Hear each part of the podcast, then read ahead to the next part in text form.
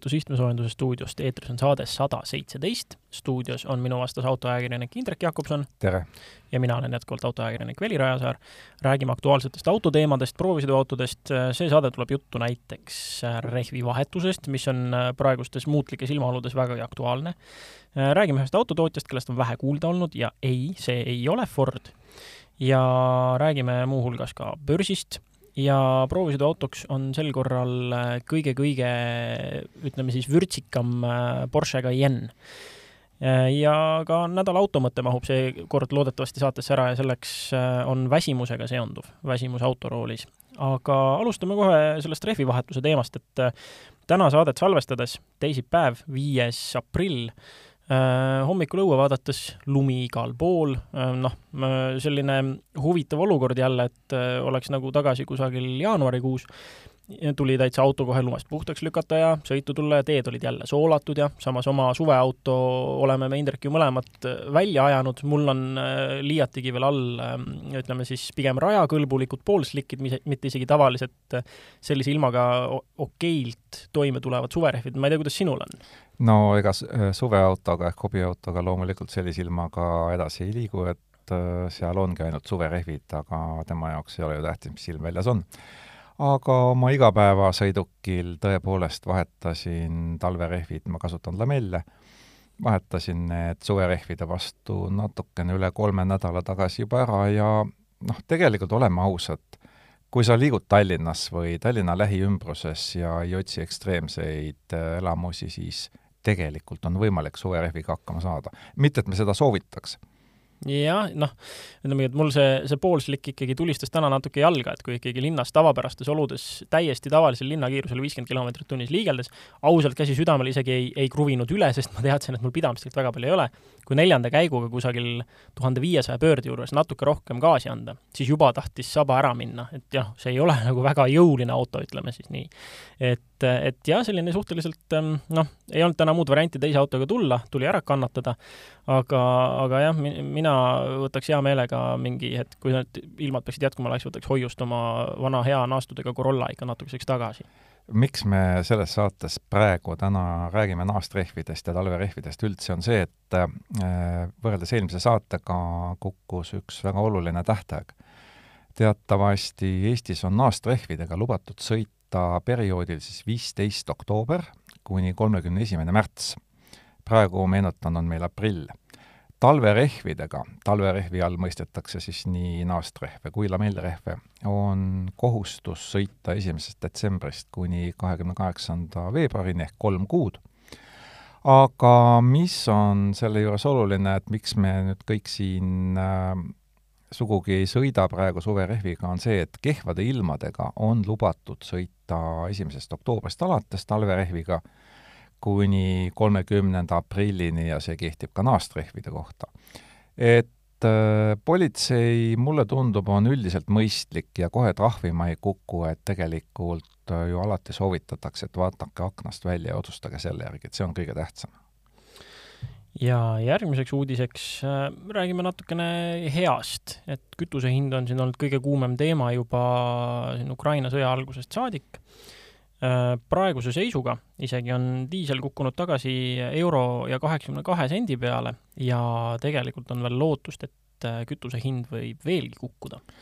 jah, et üle-eelmises saates rääkisime pikalt ja põhjalikult kütusest, kütusehindadest ja muuhulgas ka sellest, et kütusehinnad on väga poliitilised hinnad, mitte ainult sellepärast, et maksude osa on seal kõrge, vaid ka riikidevahelised suhted määravad hästi palju ja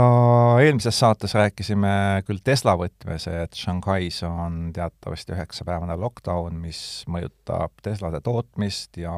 hiinlastel ei saa Musk öelda, et olete fašistid ja mind ei huvita. Aga Musk Muskiks, äh, Hiina kütusenõudlus on pärast seda üheksapäevast lockdowni aeglustunud päris palju ja toornafta hindadele maailmaturul on see tohutut mõju avaldanud. Ehk et see on nagu esimene selline hästi suur äh, ja täiesti ootamatu mõjur, mis on need nafta hinnad uuesti alla viinud, ka valmis kütuse hinnad alla viinud, nii et võib isegi juhtuda, et heal juhul, et me niipea ei näegi uuesti kahega algavaid numbreid äh, posti otsas. ja teine aspekt veel, eks ole, et neid on ju kaks tükki, Rahvusvaheline Energiaagentuur ja liikmesriigid on siis soovinud, et Ameerika Ühendriigid hakkaksid oma strateegilisi naftavarusid käiku andma, et neil ei ole nii palju neid vaja ja ei läinud palju aega mööda, president Joe Biden teatas siis, et maikuust alates hakkab USA strateegiline naftareserv siis kuue kuu jooksul iga päev ühe miljoni barrelit reservi vabastama, et saate aru, miljon barrelit ja nii sada kaheksakümmend kolm päeva järjest iga päev, et see maht, mis turule juurde tuleb, seda on tegelikult rohkem, et noh, OPEC pikkade läbirääkimiste tulemusena oli siis nõus nelisada kolmkümmend kaks tuhat barrelit tõstma ja nüüd Ameerika paneb sinna miljoni veel juurde, mis tähendab seda, et pakkumine kütuseturul hakkab suve lähenedes äh, tavapäratult hoopis paranema ja meile on ju see kõigile ainult hea uudis. ja veel häid uudiseid äh, tootjast, kellest palju pole juttu olnud, ei, ei ole Ford, aga on üks teine F-tähega algav tootja. Noh, Stellantisest oleme me rääkinud ja igasugustest nende tulevikuplaanidest, küll oleme ka spekuleerinud seda, et millised Stellantise brändid võivad nii-öelda äh, Äh, ära mõrveeritud saada ja oleme pidanud ka vahepeal oma sõnu sööma spekulatsioonide osas, aga nüüd on uudiseid Fiatilt.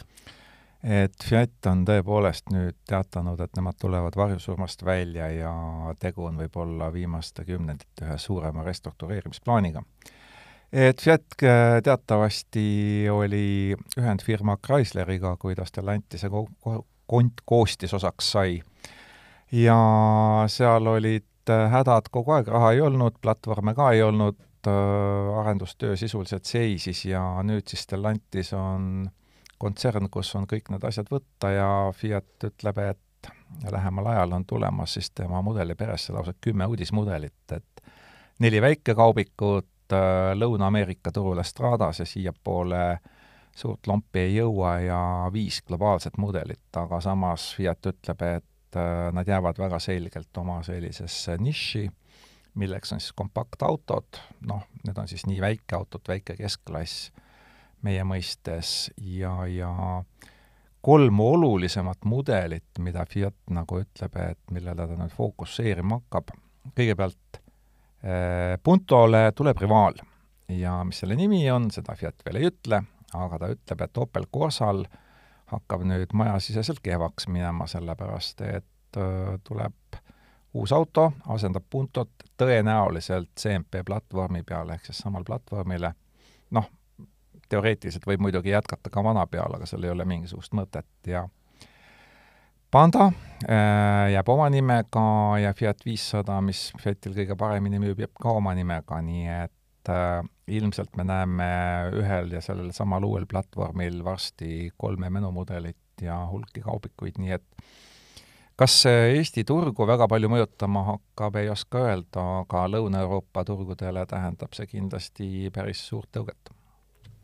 uudiseid on ka Teslalt, mitte küll mingisuguse suure restruktureerimise osas, aga nagu me oleme juba eelnevalt rääkinud, siis äh, Teslast on saanud tavapärane igav autotootja, kelle kasum tuleb ikkagi autode müügist, mitte enam mingite kvootidega hangeldamisest. ja nad eelmisel aastal jäid oma tootmiselt äh, napilt alla miljoni auto ja tundub, et sel aastal saab selle miljoni toodetud, saab miljon toodetud masinat täis sest äh, esimese kvartali tootmistulemused käesolevast aastast on teada ja toodetud on kolmsada viis tuhat autot ja tarnitud lausa kolmsada kümme tuhat, et see ületab nüüd eelmise aasta tulemusi äh, igakülgselt. jah, et äh, kõige võib-olla väärtuslikum aspekt selle juures on see, et äh, sinna sisse jäävad juba Shanghai tehase sulgemine, sinna sisse jäävad erinevad tarneraskused, millega Tesla on maadelnud, aga sellegipoolest äh, noh, tegu on kahe järjestikuse superkvartaliga ja meenutame, et millal Tesla esimest korda üle saja tuhande auto kvartalis valmistas, see oli mm, pisut rohkem kui kaks aastat tagasi alles, ehk siis äh, kaks tuhat üheksateist neljandas kvartalis läks, äh, sai Tesla sada tuhat autot äh, piiri kätte ja edasi on väga kiiresti hakanud üles minema nii et kui nüüd mingisugust järgnevat kriisi ja traagikat ei tule, siis, siis tõenäoliselt näeme me selle miljoni sel aastal Tesla poolt ikkagi ära. Äh, noh, neil on ju ka, sai hoo sisse Berliini tehas või noh, samas ei tea, kui hoo sisse, mis need tootmisnumbrid on, neid ei ole veel kusagil paista olnud, sa ei ole vist ka näinud, on ju? ei, ma kardan, et need on sellised Riviani mõõtunumbrid praegu, et äh, kui neid ei avaldata, siis järelikult ei ole seal ei ole nagu midagi avaldada, on ju. sest Tesla armastab oma numbreid väga kiiresti välja tuua, kui on millega kelkida. jaa, täpselt. aga no sa mainisid Riviani, kas meil on Rivianist ka midagi selles saates rääkida? on küll Äh, Rivian ei plaanigi lähiajal kasumit teenima hakata. et äh, Rivian ütleb otse välja, keskenduda on vaja tootmisele, mitte kasumile.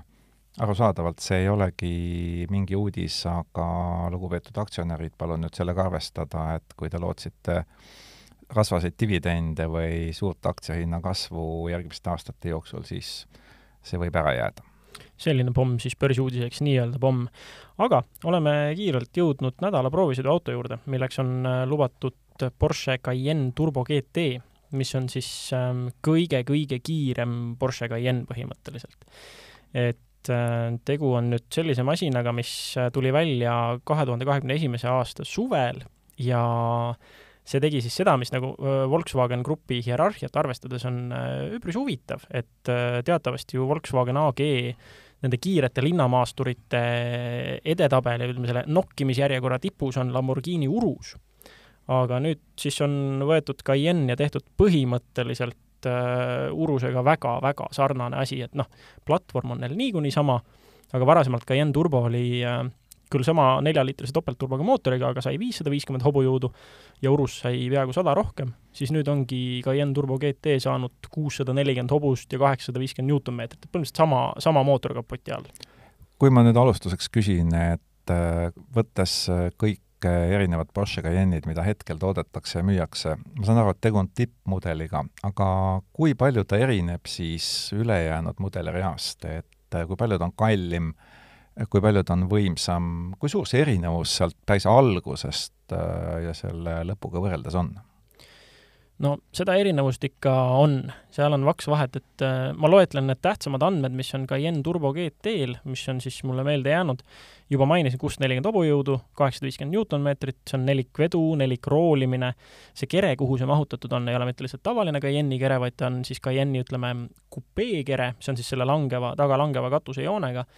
tal on seal igasuguseid muid trikke veel küljes, mida tavakaiennid kuidagi ei saa, et tavakaiennide hind algab seal kusagil kaheksakümne tuhande juurest ja nad saavad siis kolmeliitrise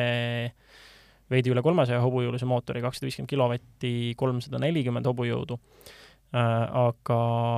selle Turbo GT hind algab kahesaja ühe tuhande juurest ja proovisõiduautol oli veel omakorda rohkem kui kahekümne tuhandest lisavarustust peale laotud. Äh, mis mulle veel mainimata jäi, kaheksakäiguline ZF-i automaatkast äh, igasugused aktiivsed, adaptiivsed äh, veermikulahendused ehk siis aktiivvedrustus pluss ka need äh, Porsche aktiivstabilisaatorvardad, mis siis äh, oma äh, kahe kaheks jaotatud stabilisaatorvarda vahel oleva elektriajami toel siis suudab äh, muuta ennast ja kohandada. et ühesõnaga, hästi palju selliseid inseneritehnilisi lahendusi, mis selle hiiglasliku kahe koma kolmekümne viie tonnise auto suudavad äh, muuta nagu ootamatult äh, tulebki öelda, ma, ma, ma olin vägagi hämmingus, et kui äh, vilkaks on võimalik muuta tegelikult nii raske auto. sest et noh, siinkohal on see koht, kus ma pean jällegi ütlema välja mõned oma tõekspidamised, et kui esmakordne kuulaja satub kuulama, siis äh, tere, mulle meeldivad äh, kerged autod rohkem kui võimsad autod. ja seetõttu ka see suur skepsis sellele autole tegelikult lähenedes, et kaks koma kolmkümmend viis tonni. see on, see on kolm lootuse liiset, et mis on siis nagu minu jaoks täielik auto ideaal. et et äh, noh, see, see lihtsalt, kui, kui keegi ütleb, et äh, olgu see või Porsche, ütleb, et äh, ükskõik, et see on nii suur ja raske ja praktiline, et see on ikkagi Porsche sõiduelamus ja äratuntavalt Porsche ja vajadusel ringraja auto ja kõik muud asjad, siis noh, siis ma tahaks selle peale silmi pööritada, öelda, et noh, jah, see on tore turundusjutt, on ju, aga tegelikkuses on see ju noh, see on lihtsalt kasumiauto, on ju, et teil on oma mudeli valik, kus on kasumiautod nagu Macan, Panamera, Cayenne ja need on need autod, mis on tehtud äh, ütleme siis mitte minusugustele undajatele, vaid päris ostjatele, sest ostjad tahavad selliseid autosid. ja siis äh, nende autode kasumist on võimalik omakorda toota neid siis, mida puristid peavad nagu puhasteks Porschedeks, on ju. kui seda numbrite joru nüüd kuulata ja meenutada meie eelmist äh, Porsche kogemust, mis siis oli kõige, kõigem selline kasumi Porsche, mis olla andis, ehk siis odavama, kõige odavama otsa Macan, siis äh, meenutame, et selle hinnaks oli samamoodi kaheksakümmend tuhat, aga sinna oli otsa laotud lausa kahekümne viie tuhande euro eest, noh, vajalikku ja mittevajalikku pudi, ja nüüd on tegu üle kahe korra kaks pool korda kallima autoga ja lisavarustust ainult kakskümmend tuhat, noh, kakskümmend tuhat on korraliku pereauto hind, aga Porsche mõistes, kui see hind on alla kümnendiku, mul tekib selline tunne, et äh, selle Cayenne'i puhul, millega sina sõitsid, on mindud juba kohe niimoodi maksimumi peale välja, et seal on juba kõik olemas, et see inimene, kes selle ostab, siis ta juba saab maksimumi ja ta võib ainult värvi valida. ta saab äh, maksimumi äh, suutlikkuse mõttes, sest et sinna on väga ilmselgelt pandud äh, kiiresõidukraam peale ma ei tea jah, mis, mis diilid nad kontserni sees pidid tegema, et Urusele kandade astu-, kandadele astuda, noh, okei okay,, tõsi, Urus on jäetud ikkagi numbrite mõttes nagu mingis mõttes kõige kiiremaks, et noh, et tippkiirus on Urusel kolmsada viis kilomeetrit tunnis ja Cayenne Turbo GTL siis kolmsada ja äkki üks või. et noh, Urus sai lausa metsikud neli kilomeetrit tunnis ja tegelikult ka mõned hobujõud rohkem, on ju, aga noh, mootor on äh, laias laastus sama, võimsusnäitajad on samad äh,, Turbo GT kiirendab isegi kiiremini sajani kui Urus, et Urusel oli vist kolm koma kuus, aga Turbo GT-l on kolm koma kolm, et äh, ta on kõige-kõigem selle suutlikkuse poolest ja Nürburgringi ütleme siis selliste autode rekord on samuti nüüd selle Turbo GT käes aga mida tal ei ole näiteks kas või noh, mis sellel autol oli juurde laotud, oli näiteks äh, peaaegu kolm tuhat eurot maksis igasugune kohanduva püsikiirushoidiku pakett ja mingid juhiabilised nagu rajahoidja ja sellised asjad, mis väga paljudel autodel tegelikult on juba standard. et noh, seal oli tõsi, värvi eest oli ka kaks tuhat nelisada eurot oli selle edeva niisuguse ütleme, tumehalli, mitte antratsiidi päris, aga niisuguse tumehalli eest juurde pandud. no niisugune, ütleme, Audi RS, RS autode sarnane hall toon natuke niisugune võib-olla mm, elavam ja heledam pisut, et noh, seal on, seal on nii, et need suutlikkuse asjad on kõik nagu eos peal, aga mingisugused mugavused pead sa nagu juurde maksma ikkagi ja need on üpris nagu hinna osas ikkagi kõrged. no seda enam, kui sa mainid, et juba püsikiirushoidja eest tuleb juurde maksta, siis tekib küsimus, et ohoo. aga sa tõid väga ilusti välja kolmsada üks versus kolmsada viis kilomeetrit tunnis maksimumkiirust ma arvan, et ega Wolfsburgis ei ole neid numbreid juhuslikult sinna pandud, sellepärast et äh, Lamborghini ostja peab saama baani peal kiiremini sõita just nimelt ja selle nelja kilomeetriga Porsche omanikust mööduda ja selle eest ta maksabki, sest see, mis vahe tuleb sisse Nürburgringil ilmselt äh, kumbagi ostja jaoks, noh, on hea teadmine, aga mitte enamat. aga ta ei saa seda tunnetada, maksimumkiirust on tal võib-olla võimalik ikkagi sõprade eest demonstreerida jah, jah, tõsi, kui Saksamaal elad, siis tõesti, aga noh, muidu see võrdlus Lamborghini Urusega on äh, vägagi kohane, sest et äh, Cayenne Turbo GT näol ongi tehtud, ütleme siis selline radari alt lendamist võimaldav urus, et urus on ikkagi karjuv nii sees kui väljas, ta on väga nurgeline, tal on, tal on sees kas või see juba käivitamise ja sõidurežiimide valimise osa seal äh, keskkonsoolil, issand, mul ei tule selle nimi meelde, see oli üks ilus itaaliakeelne sõna, kas oli tamburo äkki või midagi säärast. et kuidas seda nimetada, mis näeb välja nagu hävitaja, otse hävitaja kokpitist. et ütleme, kui Lamborghini on selline karjuv, aga ta on samas ikkagi selline, no ikka niisugune, ütleme, trambureitav tiinekas, siis Cayenne Turbo GT on distantsilt võimalik, noh, ta, ta on võimalik täiesti mitte midagi ütlevaks autoks pidada. kui lähemale ronid, siis jah, muidugi näed, et juba siin esipampri taga on iga avaus, avausi on rohkem kui teistel Cayennidel ja peaaegu iga avause taga on mingi radi radikas. on seal mis iganes, mitu mootoriõli radik-, jahutusradikat, käigukasti radikas äh,, igasugused, ma, ma ei imesta, kui seal roolivõimende õli jaoks mingisugune jahutusradikas on et iga ava taga piilub mingi radikas ja kui sa mootori välja suretad isegi pärast tavalist sõitu, siis ta jääb päris pikaks ajaks huugama veel tegelikult. ja no see on ikkagi, see, see kapotialane on seda mootorit täis laotud. Aga noh, praegu on siin räägitud igasugustest nagu, ma olen, olen enamjaolt rääkinud igasugustest sellistest ähm, numbrilistest asjadest ja mis see auto nagu võiks olla, et noh, natuke tsiviliseeritum urus, on ju, aga mis kõige rohkem hämmeldust tekitabki ja mitte ainult mulle, ma tegin äh, nädalavahetuse jooksul ju kaasasõite väga kogenud juhtidele, kellel on äh, ringraja kogemust, kellel on igasuguseid ägedaid äh, kiiresti sõidu hobiautosid, nad on ise ehitanud, kaua sõitnud, tajunud igasuguseid masinaid ja noh, mina ka läksin sellele autole peale no ikka väga suure skepsise ja künismiga. nagu juba mainitud, ja jah, turundusjutt turundusjutuks, mis ta nagu päriselt teeb, minu mõte oli see, et ma viin selle raske auto kurvidesse ja isegi, kui sul on kõik need ägedad lahendused, nagu see nelikroolimine ja adaptiivne vedrustus ja tark veojõu jagamine ja need aktiivsed stabilisaatorvarvad, et noh, jah, need võivad oma asju teha, aga ega sa kurvis inertsi ju ei peida, sa massi võid peita tõesti selle jõhkra mehaanilise pidamisega, on ju, metsikud absurdselt suured pidurid. noh, ees on nii suured pidurid, et ma kujutan ette, et see klots seal sadula taga on selline, et sa võid selle klotsi võtta ja laias laastus neljaks lõigata ja sa saad ühe niisuguse normaalse sportauto terve klotsi jooksu sellest ühest Cayenne Turbo GT klotsist.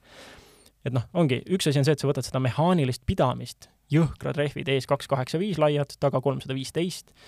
sul on need jõhkrad pidurid, on ju, et noh, sa, sa selle kiirenduse ja pidurdamisega sa juba nagu varjad osalt seda massi, noh, mis sul muud veel juurde teha, adaptiivvedrustus lihtsalt programmeerida vastu kreenima, on ju, ja ongi juba tunne, et sul on äh, palju kiirem auto, kui ta tegelikult on, lihtsalt lisavõimsust vastavalt äh, massile ja ongi tunne, et on kiire, noh, sirgjoones, on ju. see ei ole enam mingisugune, see, see ei ole enam mingisugune võlukunst, et et väga-väga rasked autod võivad sirgjooneliselt kiired tunduda aga see, mida see auto kurvides suudab, on ikkagi, no see tekitas hämmingut mulle. Akselerista lugejatele märkuseks, et äh, see lugu on tegelikult juba üleval juba päeva jagu aega, nii et võite minna lugeda kõikide detailidega täpsemini tutvuda. aga mm, üks detail, mis äh, sellest artiklist mulle silma hakkas, on see, et selle auto all olid lamellrehvid. et mm -hmm. kui sa räägid nendest kiirustest äh, sellest inertsist, äh, sellest, kuidas seda autot tee peal hoida, siis lamellrehvist ei käi nagu kiire sõiduga väga kokku. jah, tal peaks tehasest olema veel Pirelli eritellimusena tehtud mingisugused B-Zero Corsa rehvid, mis tegelikult äh, annavad aimu, et sellel võiks veel parem see mehaaniline pidamine olla aga noh, laias laastus oligi see, et äh, kogu see tark elektroonika ja nelikroolimine jättis mulle mulje, et kusagil on umbes kaheksasada kilogrammi suudetud kaotada. et ta minu äh, meeliskurvilistel teedel suutis seda massi peita ikkagi ja, ja, ja ka, ja ka inertsi peita oodatust paremini. ma noh, see ongi, sa lähed kurvi sellise hooga, et noh, ütleme alguses ma läksin rahulikult, ja siis see lihtsalt sisendab sulle nii palju enesekindlust. mida aeg edasi, seda rohkem ja kogu aeg on niisugune tunne, et saaks aina kiiremini seda kurvi võtta. ja kui sa selle kurvi läbid, sa tunned, kuidas äh, välimiste rataste vedrustus lööb ülijäigaks, sa tunned, kuidas äh, nelikroolimine aitab vilkalt sisse keerata, roolitunnetus sellise auto kohta on väga hea. Äh, ja teine asi, mida sa väga hästi veel tunned, on see, kuidas kogu aeg tagumine, välimine ratas aitab sul äh, roteerida, ta annab tagumisse välimisse rattasse jõudu juurde, nii et sa tunned, et see teeb kurvi läbides kõige rohkem jõu mõttes just tööd. kas sa seda saad ka vaadata, et ähm, noh, ega ju esi- ja tagasild fikseeritud ei ole. ei ole fikseeritud. et see, põhiline selle, jõud jah. tuleb ikka ju tagasillast nagu jaa, aga tal on selline tore lahendus veel, et noh, kiirendades ta, sa, sa saad kuvada endale selle näidise, näidiku ette, et kuidas ta esi- ja tagatelje vahel jaotub, seda paraku mitte, kuidas ta emma-kumma ratta vahel omakorda jaotub aga ta suudab, mina nägin ikkagi kiirendades fifty-fifty ilusti ära, mulle tundus vähemasti, noh, äärmisel juhul ette siis nelikümmend võib-olla, Äh, ja selleks, et ta suudaks sellistes kurvisõidu tingimustes äh, sellist tempot hoida, siis on näiteks üks asi, mis urusest eristab mehaanilise poole pealt, on see, et vahekast on saanud vedelikjahutuse, et ta suudab agressiivset, sellist agressiivset sõitu pikemalt teostada kui näiteks urus, enne, ilma üle kuumenemata, et noh, siin on äh, nii mõnedki tuttavad rinkasõitjad muudkui teevad nalja igasuguste Audi RS nii-öelda sportautode üle, et mis sportauto see on, kui sa lähed Tabasalust, teed kolm ringi ja siis sul kuumeneb käigukasti õli üle ja difriõli üle ja sa lonkad äh, oma vedavaid rattaid, äh, tood selle auto rajalt maha ja lased tal pool tundi jahtuda, sest äh, rohkem ta ei võimalda sul kiiresti sõita, ilma olemata seejuures esiveoline. et eelduslikult Cayenne Turbo GT-ga sellist, sellist errorit ei tohiks juhtuda. no hinnaklass peaks seda tõepoolest võimaldama, aga samas, kui ma nüüd kuulen seda juttu piduriklotsidest ja sellest, et ühest klotsist saaks mõnele teisele terve jooksu, ja siis tõesti tekib see küsimus, et kas on, kas ongi nii lihtne teha hästi kurvisuutlik auto, et paned sinna kolmkümmend sentimeetrit rehvi alla, siis umbes meeter või natuke vähem siis seda piduriketast äh, läbimõõdus ja ja ongi olemas ja sa võid ära unustada massi, kõrguse, kõik muu taolised. kas on nii lihtne? No põhimõtteliselt küll, jah. Äh, see on kõige lihtsam viis seda massi varjata, on ju. jällegi, see on see, et inertsi ta lõppkokkuvõttes ikkagi ei varja. et selle, sellega omakorda tegelevad need, kõik need targad äh, lahendused, insener-tehnilised toredused, mis jätavad mulje sellisest, äh, ütleme, kergest mustkunstist, aga nad saavad sellega kuratlikult hästi hakkama. ja, ja selles mõttes ongi, et äh, ma olin väga skeptiline selle auto suhtes. ja, ja ma pean oma sõnu selles mõttes sööma, et äh,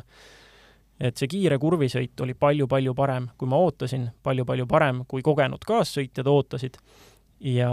noh, selles mõttes ongi see, et jah, sa, jah, sa paned sinna väga, väga nagu ütleme, sa paned sinna nagu proportsionaalselt palju rohkem mingisugust materjali nii-öelda alla. ja kõik, mis kulub, seda, see kulub rohkem raske auto all, see maksab rohkem, aga noh, see on hind, mille see Porsche ostja on nõus alla neelama ilmselgelt. Aga tegeleme nüüd natukene ennustamisega ka. et äh, kaks ennustust kui kaua selline auto veel tootmises püsib? ja teine on see, et äh, huvitav, kui populaarseks ta Eestis osutub? Need on sellised huvitavad küsimused, äh, ma arvan, et äh, seda autot annab tootmises hoida äh, väikse elektrivurtsu lisamisega veel ka pärast kahe tuhande kahekümne veel massi juurde? jah, absoluutselt ka pärast kahe tuhande kahekümne viiendat aastat, ma, ma arvan, et kuni kaks tuhat kolmkümmend võiks sellised masinad olla veel täitsa nagu uuenagi ostetavad poest ilusti. aga lihtsalt jah, siis on juba mingisugune hübriidasi juures, see on ju huvitav, et nad ei ole, noh, nad ongi ta nagu täis sisepõlemis, sisepõlemise peal veel hoidnud. et äh, see võiks olla kaks tuhat kolmkümmend, aga ma ei, ma ei tea, kui populaarseks ta Eestis osutub, sellepärast et äh, mulle tundub, et enamus ikkagi Cayenne'i, Macani ja Panamera ostjaskonda on need, kes soovivad seda Porsche Prestige'i ja nad äh, noh, üldiselt ikkagi nad ei vaata seda, et äh, noh, ühesõnaga prestiiži jaoks piisab juba märgist ja kerest.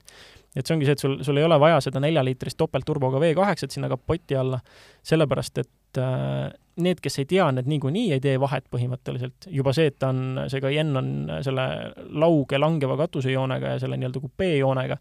see juba on üpris äss ja seda saab äh, osta ka väiksema raha eest, ilma selle kõige suurema mootori ja kõigi nende inseneritehniliste võlukunsti asjadeta. et äh, ma arvan, et mis seda Eestis võib kaubaks minna, võib-olla mingisugune kümmekond tükki aastas äkki või? ja samas me ei saa ju ometi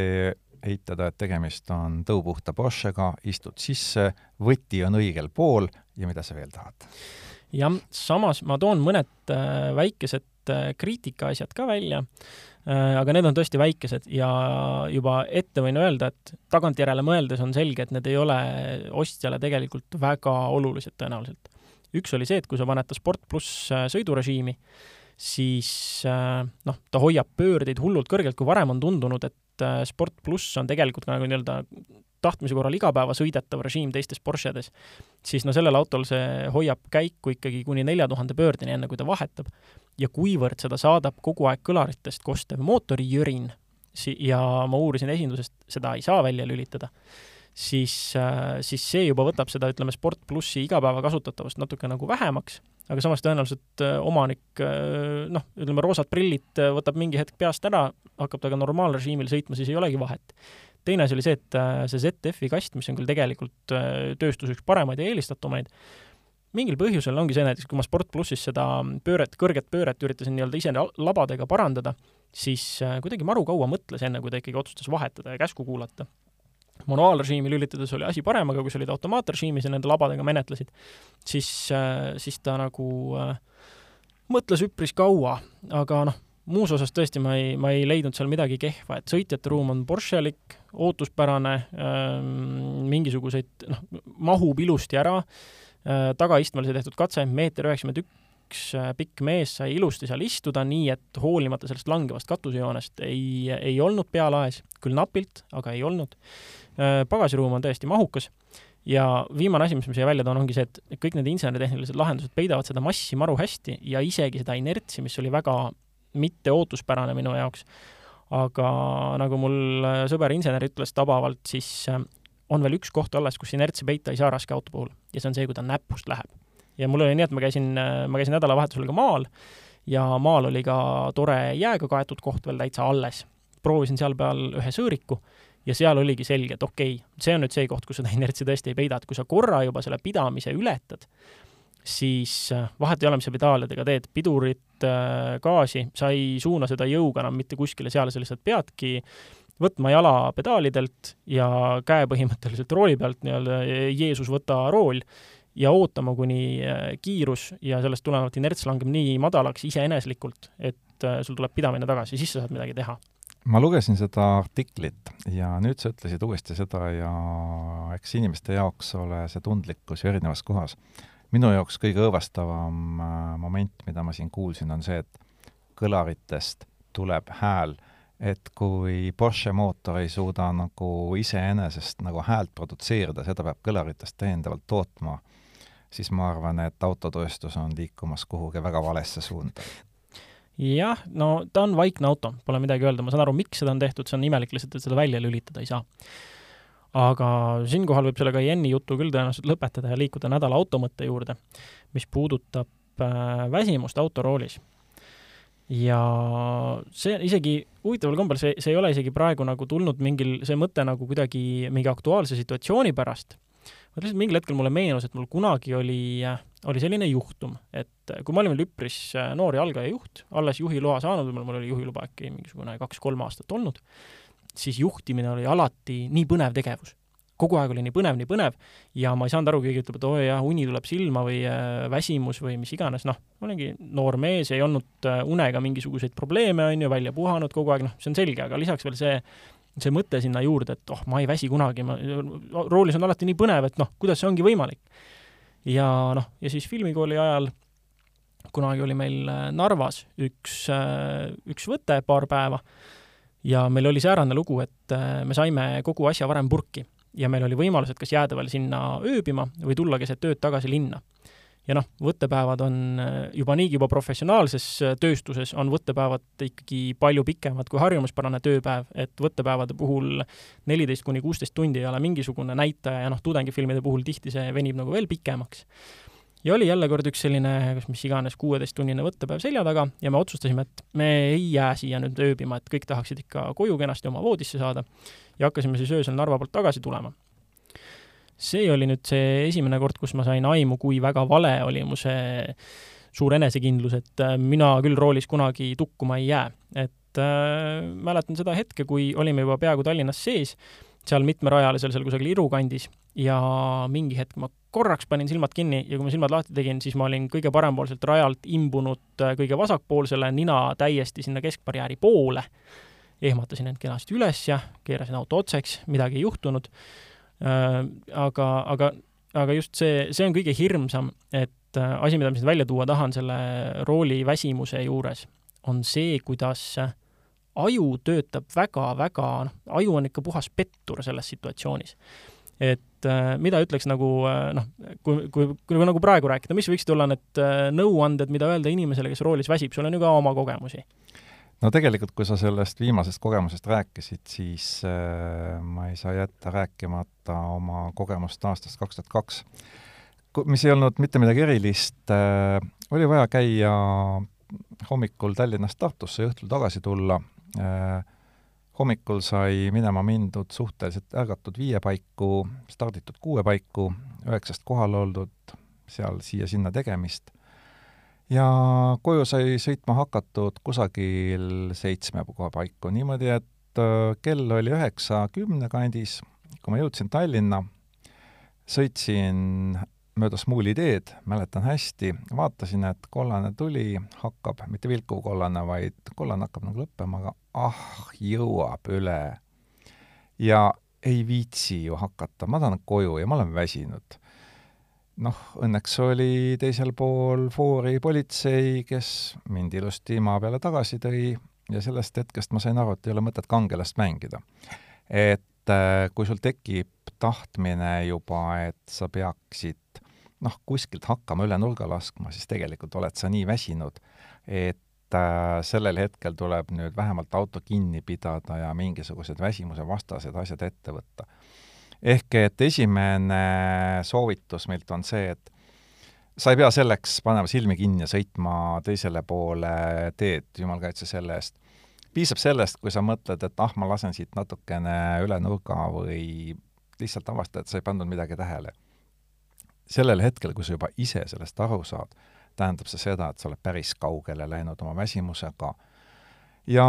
siis äh, tuleb äh, kiiresti endale teavitada, et puhkust ei asenda mitte miski. see, kuidas inimesed puhkavad, on väga erinev. noh, ma olen lugenud soovitusi, et äh, keera auto tee peale, maga kümme minutit, no olen proovinud, äh, magamiseks on paremaid kohti, ei kuku kuidagi välja, eriti kümme minutit. Äh, palju paremini töötab mul näiteks see, et ma panen auto kinni, astun välja, jalutan kümme meetrit edasi-tagasi, lõppude lõpuks ei ole tähtis see, mida sa või kuidas sa teed, vaid see, et sa viid selle fookuse sellest auto juhtimisest minema. Ja see on, annab ajule juba piisavalt puhkust, et sa saad natukene edasi sõita. aga Vili, mis nõkse sina oled kasutanud, kui sa nüüd oled aru saanud, et okei okay,, nüüd peab puhkama? Äh, see on, ma tean, et alguse poole ma tegin äh, täitsa valesid nõkse mingis mõttes, no kuigi see on väga individuaalne kellelgi võib-olla töötab ka, aga ikka oli see, et äh, rohkem kohvi, muusika valjemaks, kaassõitjatega rääkimine, aga noh, sealt Narvast tulles oli see, et mul oli auto norskavaid inimesi täis lõpuks selleks hetkeks. Neid ei häirinud isegi valimuusika, et noh, see, ütleme, see ei päästnud ja noh, mul jäi see mõttelõng sinnapoole, et aju on ilge pettur sel ajal, kui sa niisugune üleväsinud oled. et äh, ta hakkab sulle ütlema, et äh, ei, seisma ei pea jääma, sõida, sõida, sa jõuad varsti koju, aga sa võid panna silmad korra kinni, sa võid lihtsalt, kui sa kas või ühe pika pilgutuse teed, ma luban, pärast seda on palju parem. ja siis ongi see, et sa teed selle ühe pika pilgutuse ja see pilgutus venib palju pikemaks, kui sa ootasid. miks aju sellises situatsioonis sulle selliseid ähm, väga halbasid nõuandeid annab, ma ei tea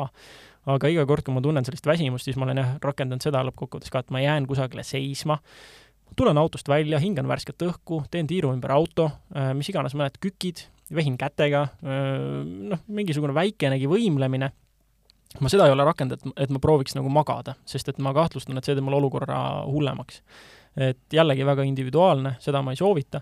olen olnud ka situatsioonides, kus äh, kohv teeb hoopis väsinumaks väga hea näide selle kohta, ma ei tea, miks, seal on kindlasti mingi füsioloogiline põhjendus, aga näiteks lennukis kohvi joomine teeb mind alati uimaseks. võtan lennukis selle tasuta kohvi, mis antakse, ja pärast seda magan nagu beebi. no autoroolis tegelikult mina sellega päris nõus ei ole, kohvipaus aitab äh, alati rohkem kui kohv ise, et see kas sa ilmtingimata sealt oma kofeiinilaksu saad ja selle peale üles ärkad, äh, see on jälle individuaalne. Aga see, et sa pead auto kinni, sa lähed kuhugi, sa pead tegelema maksmisega, kohvi ostmisega, eh, see on, eh, see on see paus, mida tegelikult aju vajab ja kohvi on selle juurde lihtsalt puhas boonus jah, absoluutselt nõus, et äh, sõnastan ümber, et kohv ise suurtes kogustes ei ole see, mis aitab, aga just see, kui sa saad oma mõistuse millegi muuga rakkesse panna, see on see, mis, see on see, mis aitab. ja just see virgutamine ja kõik selline, et et, et see on vähemasti minu puhul toiminud. kui teil on endal mingisuguseid äh, häid nõuandeid, siis alati võib meile kirjutada kommentaare, saata lihtsalt sõnumeid, hea meelega loeme, see on kindlasti ka materjal mõneks äh, looks Aksela Rista portaali, et igasugused teie mõtted on teretulnud. Praegu aga tõmbame käesolevale saatele joone alla, järgmises saates tõmbame joone alla ka kahe tuhande kahekümne esimesele autoaastale. ja mida see täpsemalt tähendab, sellest juba järgmisel korral. Kuulmiseni!